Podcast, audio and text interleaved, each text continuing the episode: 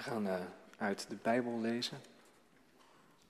We lezen uit Handelingen 18 vanaf vers 23 tot en met het zevende vers van hoofdstuk 19. Handelingen 18 vanaf vers 23.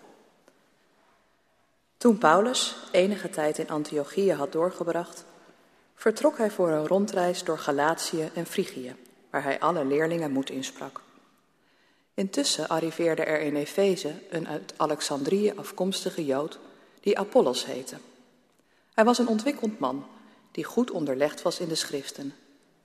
Hij had onderricht gekregen in de weg van de Heer en verkondigde geestdriftig de leer over Jezus, die hij zorgvuldig uiteenzette, ook al was hij alleen bekend met de doop zoals Johannes die hem had verricht. In de synagoge begon hij nu vrijmoedig het woord te voeren. En toen Priscilla en Aquila hem hoorden, namen ze hem terzijde en legden hem nog preciezer uit wat de weg van God inhield. Toen hij naar Achaïe wilde afreizen, moedigden de gemeenteleden hem aan en gaven hem een brief mee voor de leerlingen met het verzoek hem gastvrij te ontvangen. Na zijn aankomst bleek hij door Gods genade een grote steun te zijn voor de gelovigen, want hij slaagde erin de Joden in het openbaar in het ongelijk te stellen door op grond van de schriften aan te tonen dat Jezus de Messias is. Terwijl Apollos in Korinthe verbleef, kwam Paulus na zijn reis door het binnenland in Efeze aan.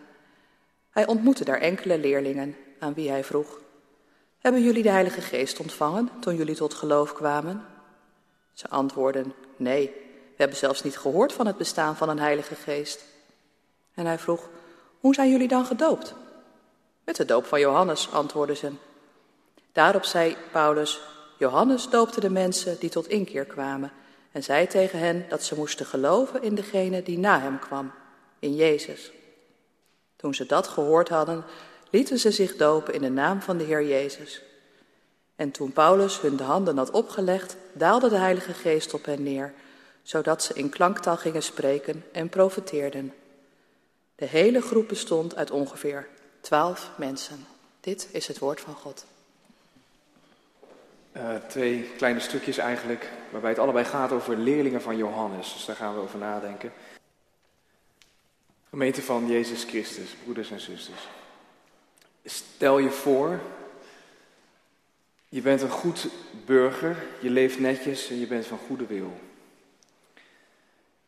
Je leven liep misschien helemaal zoals je had gehoopt, maar je was altijd bereid om je fouten eerlijk onder ogen te komen. En voor zover het van jou afhing, heb je gedoe altijd weer bijgelegd. Als het over normen en waarden gaat, ben je een fatsoenlijk mens. Je werkt hard, je denkt ook aan je medemens. En als je ze hebt, je kinderen zien je graag. Dit is gemeente het gemiddelde leven van onze goede tijdgenoot. Fatsoenlijke mensen met hun schaapjes op het en een welwillende houding ten opzichte van de medemens. Je buren, je collega's. Mist er nog iets in zo'n keurig leven? Stel je voor, je bent een leerling van Johannes de Doper. Je hoorde Johannes de profeet in de woestijn preken over boetedoening. Hij riep de mensen op om zich tot God te bekeren. Hij moest zich van het kwaad afwenden en een leven leiden zoals past bij Gods toekomst. je raakt in de ban van die Johannes, met zijn kameelharen mantel, zijn charismatische uitstraling. Dus ook jij biechtte je zonde bij hem op en je werd gedoopt in de Jordaan. Je ging een beter leven leiden. De naam van Jezus had Johannes wel eens genoemd, maar verder kon je die Jezus niet zo plaatsen eigenlijk. Maar was dat relevant? Johannes had je al zoveel gegeven. Hij had de oude schriften voor jou opnieuw open gedaan en nieuw licht opgeworpen. Had jouw leven op een ander spoor gezet. Je had daadwerkelijk andere keuzes gemaakt sinds je Johannes had ontmoet. En nu wachtte je op Gods toekomst. Mist er nog iets in zo'n keurig leven? Nou, over die vraag of er nog iets mist, gaat tot in ons tekstgedeelte. Twee kleine gebeurtenissen die Lucas vertelt achter elkaar over leerlingen van Johannes. Eerst gaat het over ene Apollos uit Alexandrië, een indrukwekkende man met een vlotte babbel, met verstand van de Bijbel en ook een sterk charismatische kant. Een soort rondreizend predikant die gek genoeg wel over Jezus vertelt, maar van de doop van Jezus nog niet had gehoord. Hij kende alleen de doop van Johannes, die van boetedoening. En dan dus die twaalf die Paulus ontmoet. Ook zij zijn volgelingen van Johannes en zijn door hem gedoopt, maar over Jezus hadden ze überhaupt nog niet gehoord. Paulus moet hen daar nog over vertellen. Maar toch worden zij door Lucas ook leerlingen genoemd en eh, zijn ook tot geloof gekomen. En je vraagt je af hoe dan eigenlijk? Want het geloof draait toch om Jezus? Als je het hart uit dat geloof weghaalt, wat blijft er dan nog van over? Ach, nou ja, kijk, Johannes verkondigde niet iets anders dan Jezus in, in wezen. Je zou kunnen zeggen dat ze dezelfde kant op liepen, hetzelfde doel voor ogen hadden, dezelfde verwachting. Jezus, die was het laatste. En Johannes kwam net voor het laatste. En wat net voor het laatste komt, dat ja, wordt niet weggeschoven door het laatste, maar het gaat erin verder. Dus de boodschap van Johannes ontvouwt zich verder in die boodschap van Jezus. Het is dezelfde boodschap. En toch, wat is dan het verschil nog? Het is de vraag of je wat mist of je bij Johannes blijft staan. Stel je blijft bij Johannes steken, mis je dan iets? Jaren geleden verscheen er een boekje met de titel Verzoening of Koninkrijk. Dat is natuurlijk een valse tegenstelling. Het is nooit helemaal of-of. Maar toch, je, je kunt het accent op een van die dingen meer leggen in het geloof, in de kerk.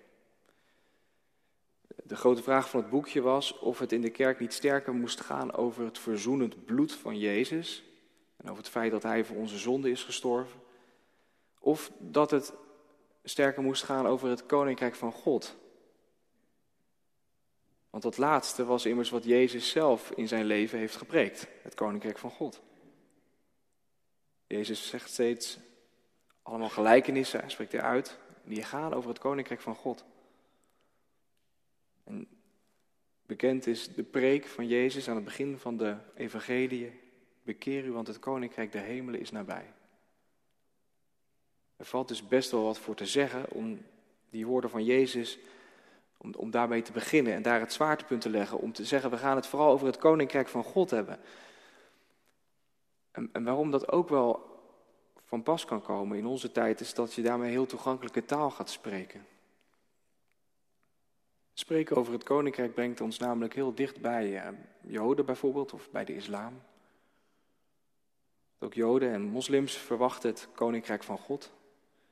En eigenlijk iedereen van goede wil kan daar wel iets mee. Vervang koninkrijk van God met het komt wel goed. Of zing gewoon mee, we will meet again, don't know where, don't know when. En iedereen begrijpt waar je het over hebt. Het koninkrijk van God.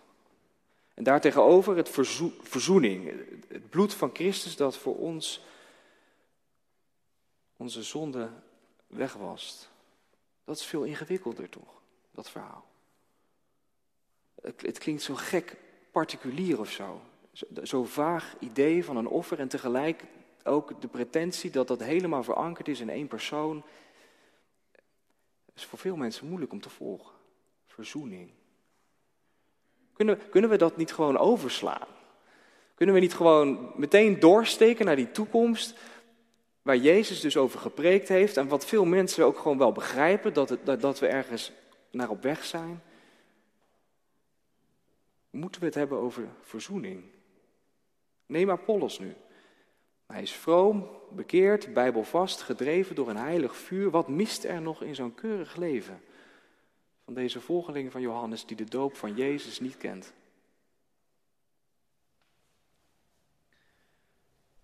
Ik zou toch zeggen, je mist iets als je bij Johannes blijft staan. Laat ik het zo zeggen, als je bij Johannes blijft steken, dan blijf je steken bij het punt waar je zelf aan zet blijft.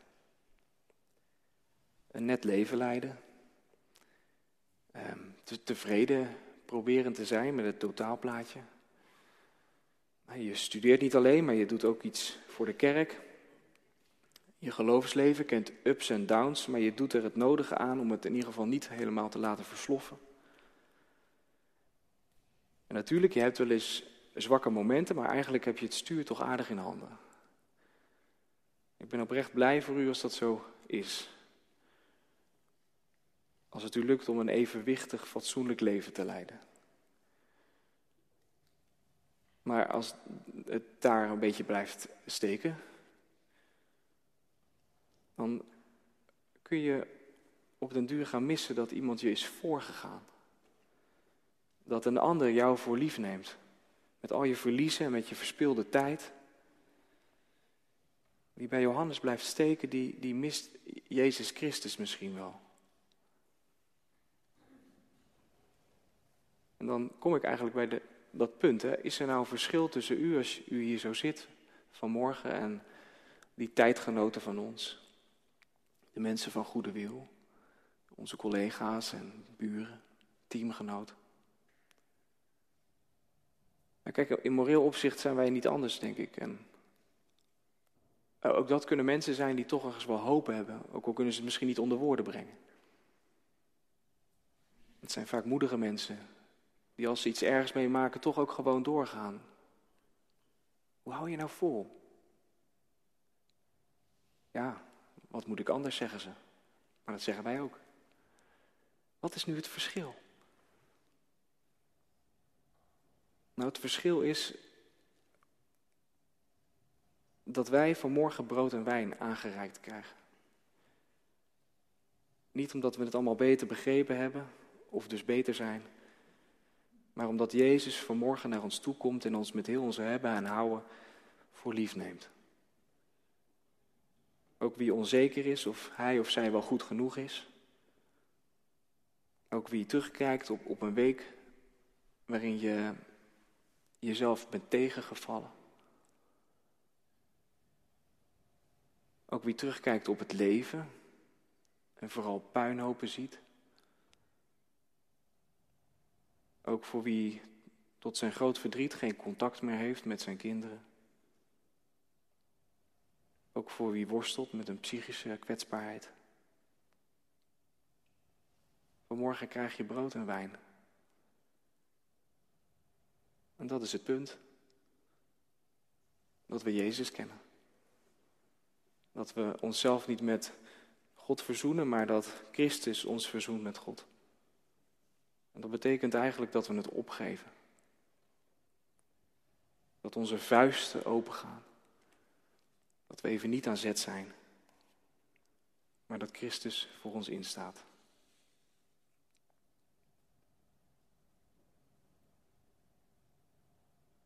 Aquila en Priscilla die moeten dat dus nog leren aan Apollos. Dat hij niet op zichzelf teruggeworpen hoeft te zijn, maar mag leven van Jezus Christus. En Paulus leert dat op zijn beurt aan die twaalf leerlingen van Johannes. Dat is wel aardig, heel kort. Als Paulus hen ontmoet, mist hij een soort bezieling. Letterlijk vraagt hij daar ook naar. Hebt u geen heilige bezieling ontvangen toen u tot geloof kwam? Bij ons is het vertaald als heeft u de Heilige Geest niet ontvangen, maar in het Grieks ontbreekt het lidwoordje. Dus Paulus mist heilig vuur. Waar is dit? Blijkbaar was het een beetje uitgeblust daar bij die twaalf. Dat krijg je ook natuurlijk als je blijft steken op het punt waarop je zelf aan zet blijft. Als je altijd maar de boel opgetuigd moet houden, dan word je op een gegeven moment moe van.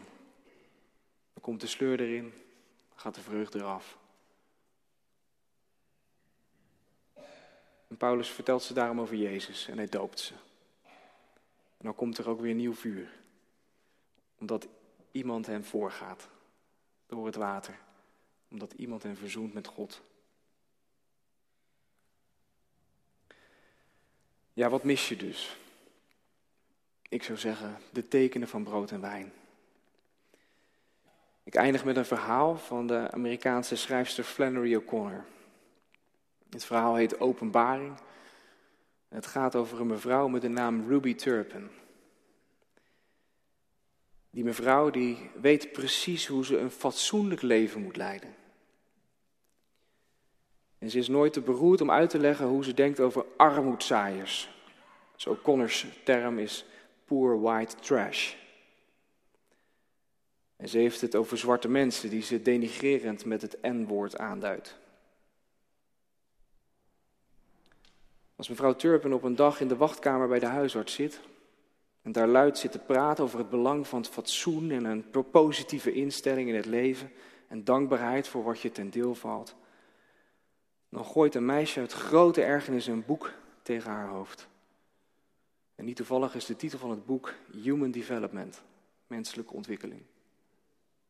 Het meisje die dat het boek gooit, sist naar haar dat ze een oud vrattenzwijn is, met haar neerbuigende kijk op andere mensen. Dat woord vrattenzwijn, dat blijft hangen bij mevrouw Turpin. S'avonds, terwijl ze thuis het varkenshok schoonspuit, roept mevrouw Turpin God ter verantwoording. Waarom is zij vandaag een vrattenzwijn genoemd? Woedend is ze dat God dat heeft laten gebeuren. Op het hoogtepunt van haar woede schreeuwt ze naar boven, naar de hemel. Wie denk je wel dat je bent? Naar God. En dat is ook meteen het keerpunt van het verhaal. als ze dat gezegd heeft, begrijpt ze dat ze natuurlijk er helemaal naast zit. En ze begint zich te realiseren dat God inderdaad op haar neerkijkt. Dat ze zich inderdaad gedraagt als een zwijn. Met haar neerbuigende blik, haar grote mond over fatsoen. Dan krijgt mevrouw Turpin een prachtig visioen daar in dat varkenshok. Een prachtig visioen waarbij ze uitkijkt op een brug waar grote menigte zielen in de richting van de hemel strompelen. Er waren hele hordes armoedzaaiers, poor white trash, voor het eerst van hun leven schoongewassen. Een hele groepen zwarte mensen in, in witte gewaden. En hele bataljons mismaakten en gekken die schreeuwden, in hun handen klapten en sprongen als kikkers. En aan het eind van de optocht liep een groep mensen die zij onmiddellijk herkenden als degene die net als zijzelf altijd een beetje alles hadden gehad. En de God gegeven gaven om dat alles ook nog goed te gebruiken. Deze mensen marcheerden achter de anderen aan met grote waardigheid, plechtig. Zoals altijd verantwoordelijk voor de goede orde en het gezond verstand en het fatsoenlijk gedrag. Zij waren de enige in die hele stoet die naar de hemel liep, de enige die zuiver zongen. Maar, schrijft Flannery O'Connor, mevrouw Turpin kon aan hun geschokte en veranderde gezichten zien dat zelfs hun deugden werden weggebrand. Amen.